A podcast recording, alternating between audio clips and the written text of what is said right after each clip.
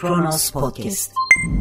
İnsanın her yaşta şartlar ne kadar ağır olursa olsun en güçlü dayanağı umududur. Şartların düzeleceğine, her şeyin iyi olacağına dair umudu ayakta tutar insanı. Bu umudun en güçlü olduğu çağlar da belki gençlik ve çocukluk çağlarıdır. Bilhassa çocukluk. Çünkü henüz hayat tüm gerçeklikleriyle tanınmamış ve zorluklar aşılmaz bir kale gibi insanın önüne dikilmemiştir. Onun için umut daha bir güçlü, gelecekten olan beklentiler daha canlıdır. Ama ne olur da daha çocuklukta o güçlü umut kırılır, hatta çocuk intihar eder. Çünkü intihar çok zaman tam bir umutsuzluğun neticesidir. Ve Türkiye'de istatistiki veriler bu konuda hiç de iyi şeyler söylemiyor.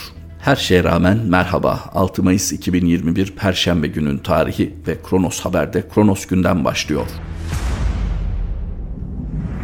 CHP milletvekili Taşçıer, Nisan ayında 8'i çocuk 129 kişi intihar etti. CHP Ankara Milletvekili Gamze Taşçıer, Nisan ayında en az 129 kişinin intihar ederek yaşamına son verdiğini, bunlardan 8'inin ise çocuk olduğunu belirtti. Nisan ayı intihar verilerini açıklayan Taşçıer, soru önergelerine ve bilgi edinme başvurularına yanıt alamadıklarını, bu yüzden 81 ilde çıkan haberleri her ay tek tek taradıklarını kaydetti. Taşçıer buna göre Nisan ayında en az 129 kişinin intihar ettiğini tespit ettik. Yerel basın taramalarımızda tüm intihar vakalarını isim isim tespit ediyoruz. 2021 yılının Ocak ayında 94, Şubat ayında 99, Mart ayında da 112 kişinin intihar ederek yaşamına son verdiğini raporlamıştık. Her ay daha da kararan bir tabloyla karşı karşıyayız. İnsanlar yaşamlarına son veriyor ve intiharlar da bir salgın gibi yayılıyor. Toplumsal bir sıkışma var ifadelerini kullandı. Taşçıer'in açıklamalarından ayrıntı verelim. Geçtiğimiz ayki tespitlerimizde Mart ayında 13 çocuğun intihar ederek yaşamına son verdiğini görmüştük. Bu ayda maalesef biri 13, ikisi 15, ikisi 16 ve 3'ü 17 yaşında olmak üzere 8 çocuk yaşamına son vermiş. İntihar yaşı maalesef 13'e kadar inmiş durumda. Tespit edebildiklerimiz arasında en çok intihar gerçekleşen il bu ay 10 vakayla Denizli oldu. Şanlıurfa'da 9, Antalya ve Diyarbakır'da 7'şer intihar sonucu ölüm gerçekleşmiş. İntihar başlı başına üzerinde durulan ve durulması da gereken bir konu. Çünkü tek sebebi somut gerekçeler değil, çoğu zaman psikolojik nedenlerle de insanlar yaşamlarına son verebiliyor. Fakat daha gençlikte ve çocuklukta yani umudun en diri olması gereken çağda bu karamsarlık, bu çaresizlik hissi neden? İşte bunun üzerinde durulması gerekiyor. Buradan hemen işte hükümetin yanlış politikalarının üzerine gitmek gerek sonucu çıkarılmamalı. İlle de muhalif bir yaklaşımla vurgulanmamalı intihar. Burada üzerinde durulması gereken bu çocukların karamsarlığının nedeni, bu çocukların çaresizliğinin nedeni ne? Evet bunda hükümetin politikalarının başarısızlığı varsa bunun da üzerine gitmeli. Ama bunun dışında bireysel, ailesel ya da çevresel faktörlerle intihar varsa bu konu asla ihmal edilmeden üzerine gidilmeli ki benzer ihtimallerin önüne geçirebilsin. Buradaki sorun şu, CHP milletvekili Sayın Taşçıer'in ifade ettiği gibi sanki her intihar vakasından hükümetin politikaları sorumlu tutulacakmışçasına hükümetin bu konuda bilgi paylaşmaması, bilgi edinme yasasına rağmen, milletvekillerinin soru önergeleri vermesine rağmen bu konuda bilgilendirmenin yapılmaması neden bir alınganlık gösteriliyor? Yani burada doğrudan bir suçlama yok. Gerçekten bu çocuklar, bu gençler, ilk gençlik çağındaki bu insanlar neden intihar ediyor? Neden umutları kırılmış? Mesele sadece ekonomi ya da mesele sadece toplumsal sorunlar değil. Belki bu çocukların, bu gençlerin başka problemleri var. Bunların anlaşılabilmesi için de bu bilginin paylaşılabiliyor olması lazım bu bilginin detaylarının bu konuyu dert edinenler tarafından elde edilmesi gerek ki bir çözüm üretilebilsin. Hiç değilse bir çözüm üretme süreci başlatılsın. Ama bu nasıl bir alınganlıksa gerek hükümet gerekse hükümete yakın medya bu vahim istatistiki verileri görmezden geliyor, paylaşmamayı tercih ediyor.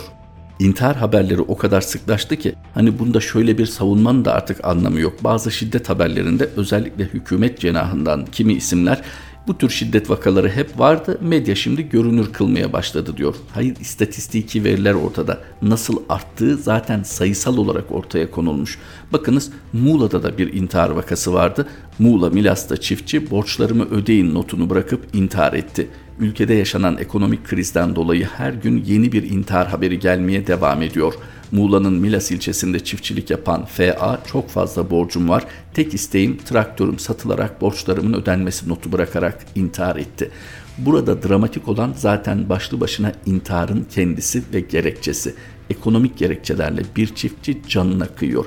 Ve bakın borçları da belki traktörü satılarak ödenebilecek. Yani aslında düzenlenebilecek, belki yeniden yapılandırılabilecek, belki hükümetin pandemi koşulları kapsamında çıkarabileceği bir afla yahut da farklı bir düzenlemeyle sıkıntısı ortadan kaldırılabilecek bir meblağ. Fakat çiftçi hayatına son veriyor.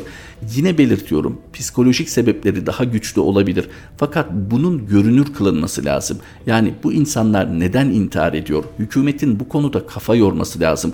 Oysa bu konuyu hükümet kendine yakın medya marifetiyle görünmez kılmaya çalışıyor. Fakat bu bir çözüm değil sadece kitle iletişim araçları yok hayatımızda. İnsanlar hala organik yöntemlerle iletişim kuruyor. Hala birbirleriyle konuşuyor.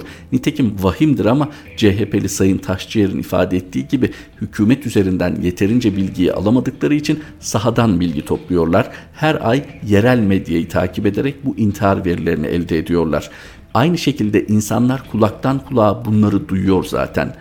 Tabii hükümet kitlesel etkilerinden çekindiği için bunları görünmez kılmaya çalışıyor olabilir. Fakat bu her şeyden önce insani değil.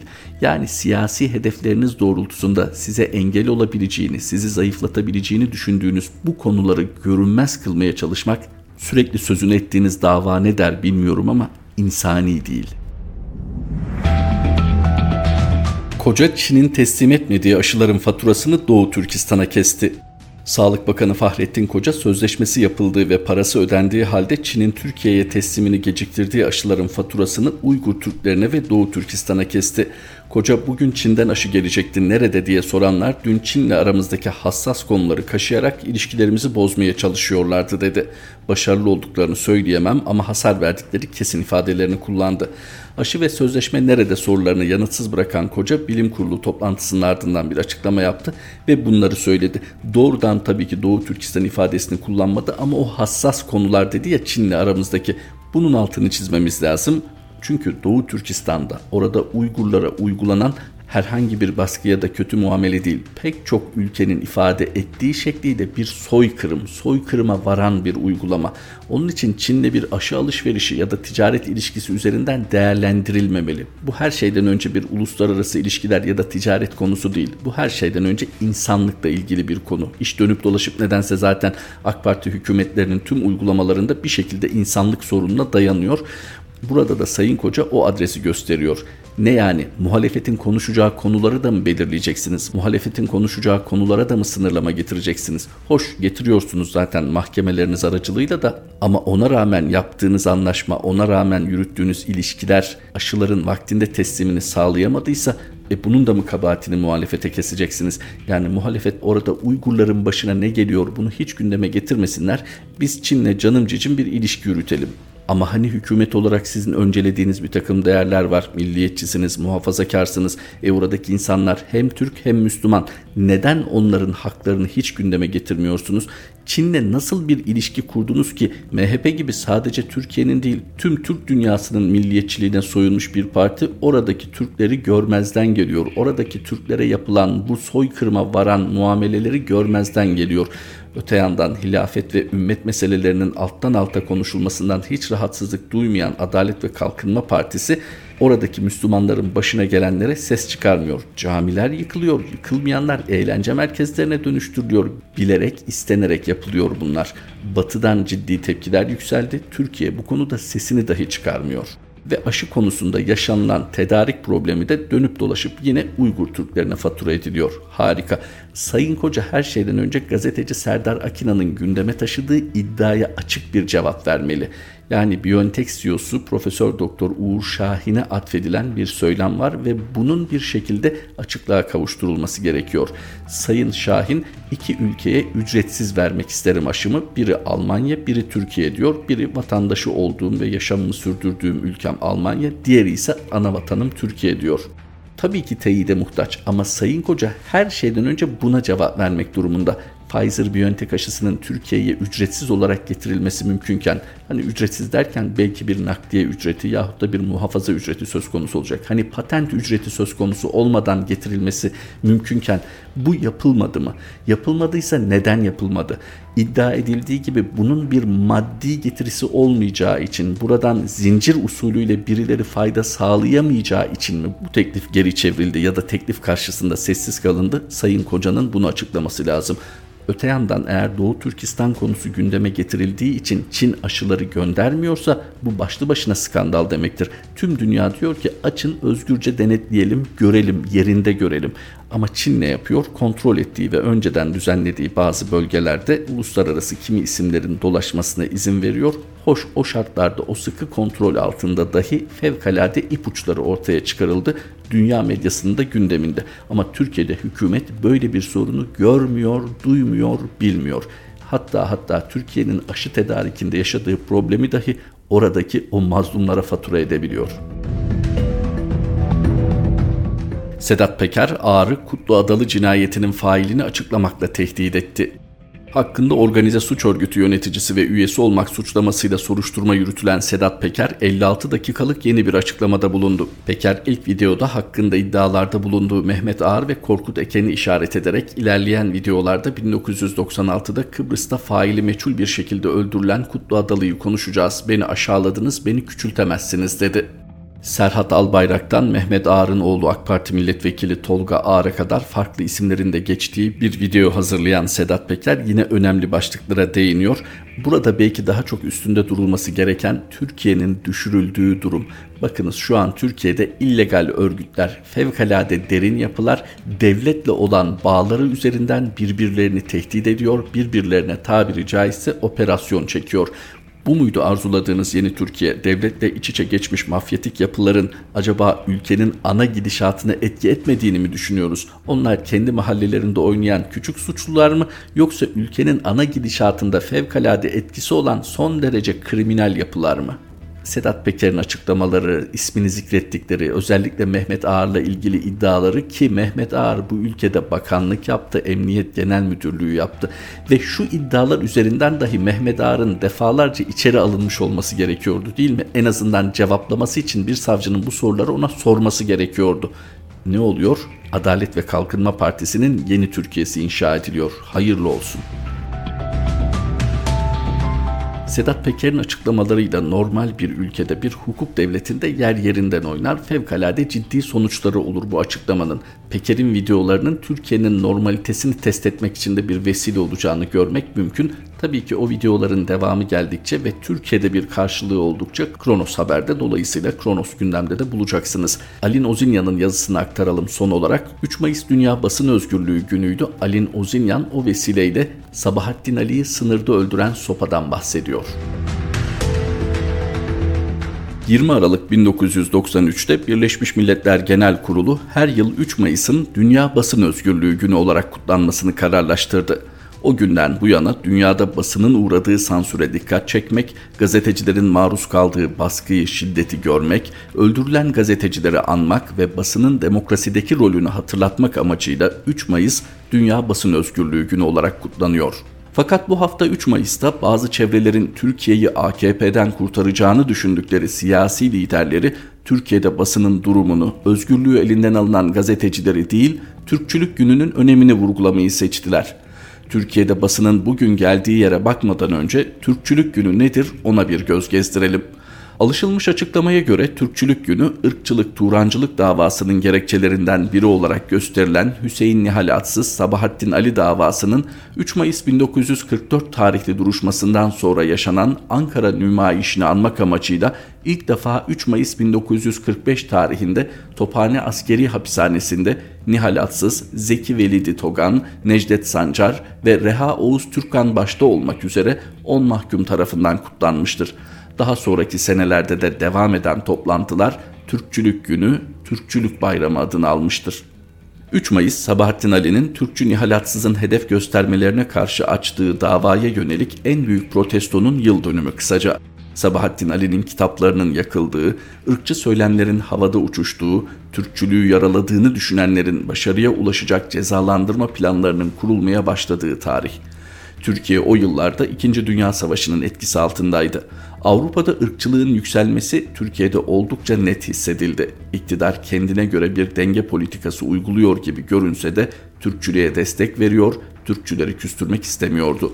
Biz Türküz, Türkçüyüz ve daima Türkçü kalacağız. Bizim için Türkçülük bir kan meselesi olduğu kadar bir vicdan ve kültür meselesidir.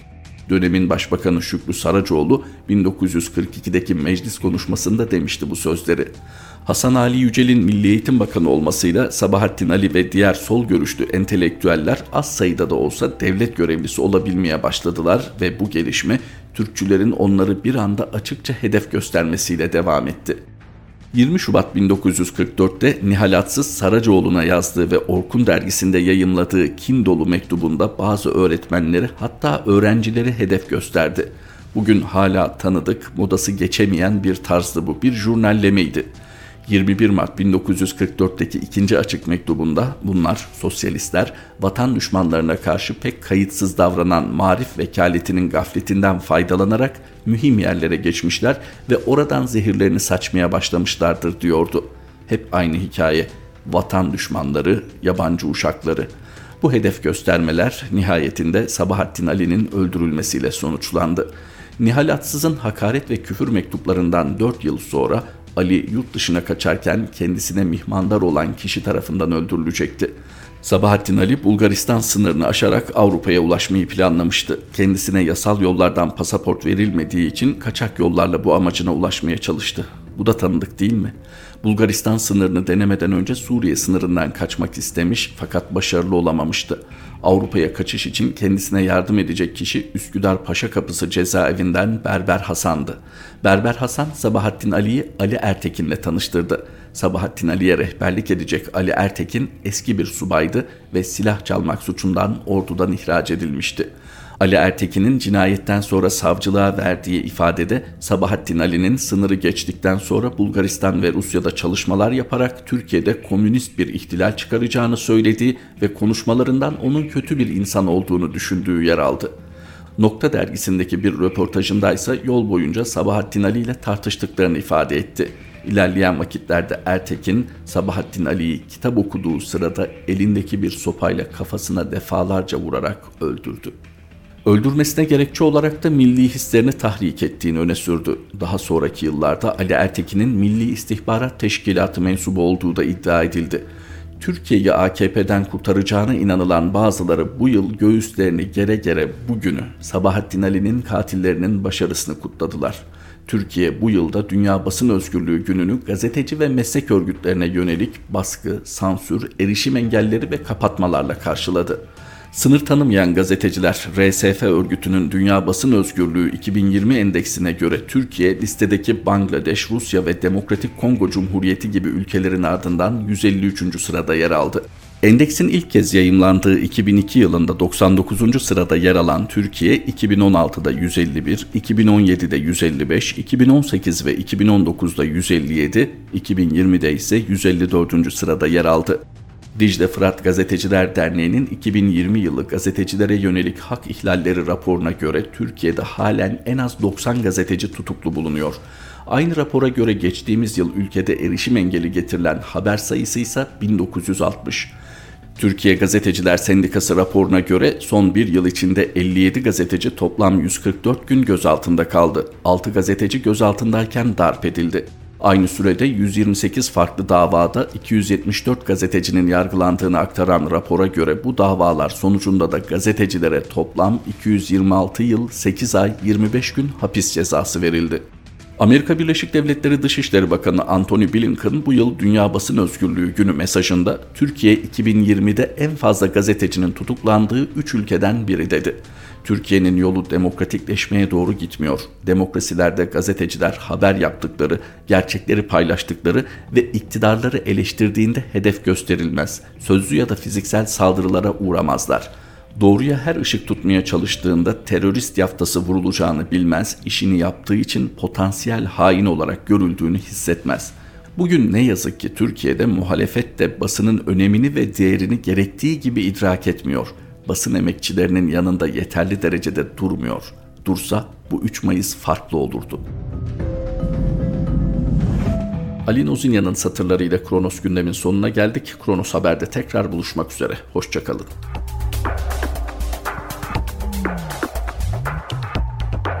Kronos Podcast